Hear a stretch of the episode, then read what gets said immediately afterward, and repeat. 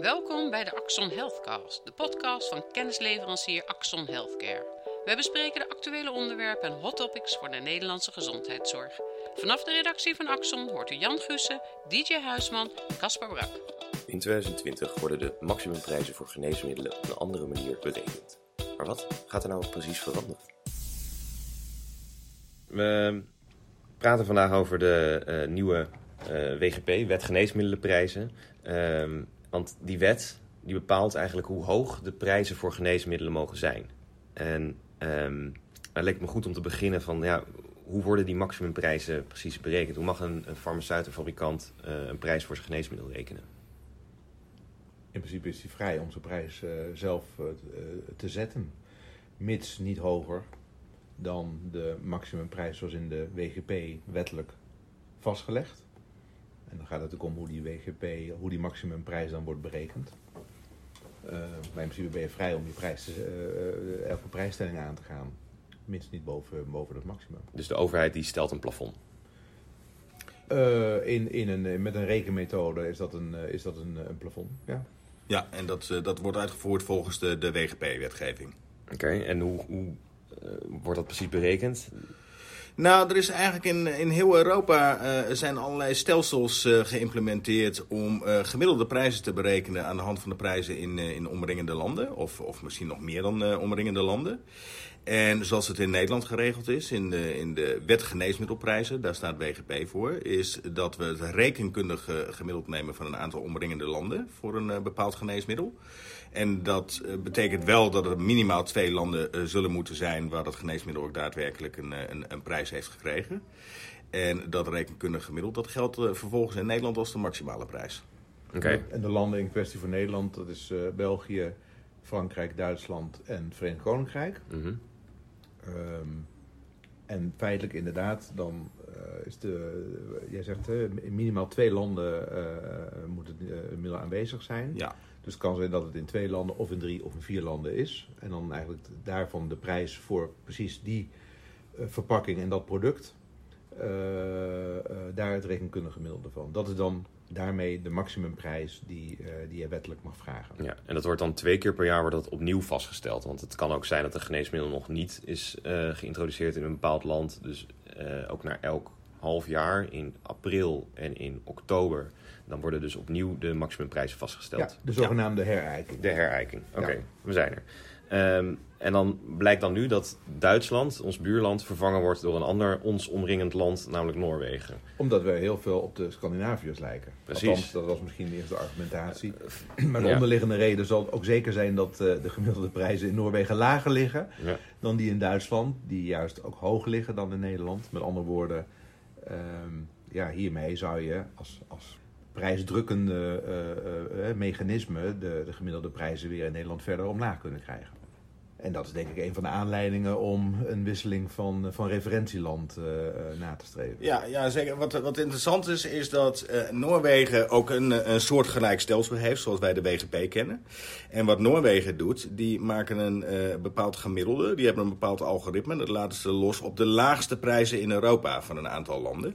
En dat heeft tot resultaat dat in Noorwegen de gemiddelde prijzen in feite, of in ieder geval de prijzen vrij laag liggen. Ja. Uh, in tegenstelling tot Duitsland, waar de prijzen relatief hoog liggen binnen Europa. Dus, dus dat is ook wel een stuk van de rationale waardoor uh, Duitsland vervangen is door Noorwegen. Misschien, misschien goed om dan meteen ook te duiden. Hè, het Noorse model uh, heeft dan ook zo'n soort referentiemodel, maar die refereren dan aan negen landen. En daar zit er overigens ook Nederland weer in. Ja. Dus je ziet ook binnen Europa dat heel veel landen aan elkaar refereren. Iedereen kijkt naar elkaar. Iedereen kijkt naar elkaar. En uh, wat, wat, wat DJ net ook aangeeft, is dat je dan van die negen landen pikken ze de, de, de drie landen eruit waar de laagste prijs zit. En daar dan weer het rekenkundige gemiddelde van. Oké. Okay. En dus daar zit eigenlijk een nog sterker prijsdrukkend effect in. Echter, en dat is natuurlijk wel interessant in dit geval, het ligt iets genuanceerder dan dat het voor alle geneesmiddelen zou gelden. Want we zien dat het voor de specialité middelen inderdaad lager ligt, het prijsniveau uh, gemiddeld, hè, als in Nederland. Maar voor de generieke middelen uh, mogelijk zelfs iets hoger juist. Dus het ligt iets genuanceerder als dat we in eerste instantie eh, eh, dachten. Want dat eh, slaat dan op dat Europese prijsgemiddelde wat minister Bruins hiermee beoogt te bereiken. Want hij haalt Duitsland eruit als referentieland en vervangt dat door Noorwegen. Nou, we weten nu, in Noorwegen zijn de prijzen lager voor in ieder geval specialiteitsgeneesmiddelen, maar voor generieke mogelijk zelfs iets hoger. En dan is het alleen de vraag in hoeverre werkt dat door op de daadwerkelijke prijs van generieken. Want de WGP is echt belangen na niet het enige middel dat de prijs bepaalt voor generieke geneesmiddelen. Kijk, en en eh, er, er zit natuurlijk impact in, in eh, zeg maar, er zit een prijsverlagend effect in. Eh, maar alleen in die gevallen wanneer de prijs die jij eh, eh, vraagt voor jouw geneesmiddel ook gelijk is aan die WGP. Namelijk aan die maximumprijs. Als je daar al ver onder zit en door die gemiddelde berekening, zoals we nu kennen, en straks ook met, het Noorse, met, met Noorwegen in plaats van Duitsland als referentieland, als daardoor in een herijking, in zo'n nieuwe berekeningsronde, die gemiddelde eh, maximumprijs iets verder daalt, hoeft dat geen impact te hebben op jouw prijs. Als, jouw als jouw prijs al ver onder dat, dat, dat maximum zat, dan, dan is er Ja. helemaal geen impact. Bijvoorbeeld door concurrentie. Ja, bijvoorbeeld. Maar als jouw prijs gelijk was aan die maximumprijs, ja, dan heb je meteen een, een, een neergaand effect erin. Want dan moet, jou, moet je je prijs eh, bijstellen. Ja, want specialiteitsgeneesmiddelen die, die hebben een dergelijke concurrentie niet. Dan kan je al gauw vragen wat je wil. En voor dat soort geneesmiddelen zakt dat plafond eh, eh, een beetje. Ja, specialiteitsmiddelen kunnen, kunnen dat ook hebben. Mhm. Eh, ehm, eh, die kunnen ook natuurlijk ehm, goed wel in een concurrentieverhouding erin zitten. Maar het is ook afhankelijk van hoe je je prijs eh, zet ten opzichte van de toegestaande maximumprijs. En als die gelijk is aan die WGP, ja, dan heb je impact als, die, eh, als je met die herberekening eigenlijk steeds omlaag eh, gaat. Ehm, ja, nu wordt het natuurlijk interessant om te bedenken van goh, hoe groot gaat dan die impact zijn? Hè? Want wat, wat gebeurt er dan? Nou ja, eigenlijk wat je ook al aangeeft, voor specialiteit lager. En dat zal, een, dat zal een effect hebben. Generiek wellicht soms misschien iets hoger. Nou, daar ligt natuurlijk anders ook een groot risico, ook voor minister eh, eh, Bruins. Bruins daarin.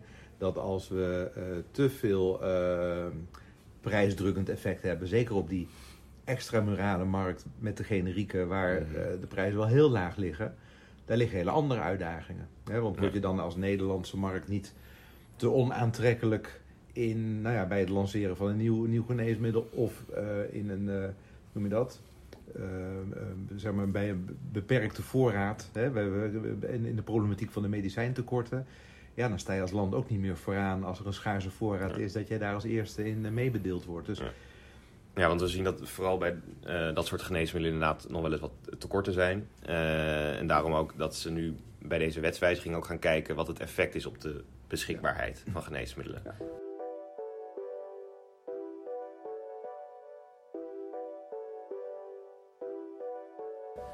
Ik denk overigens dat dat ook meteen wel de reden is waarom de minister ook niet voor het zeg maar copy-paste van het Noorse model eh, heeft willen gaan. Hè? Want die vraag is ook in de Kamer gekomen: hè? van waarom kiest u dan niet eigenlijk voor het model zoals Noorwegen dat kent? Want ja, daar zit een nog sterker prijsdrukkend effect in.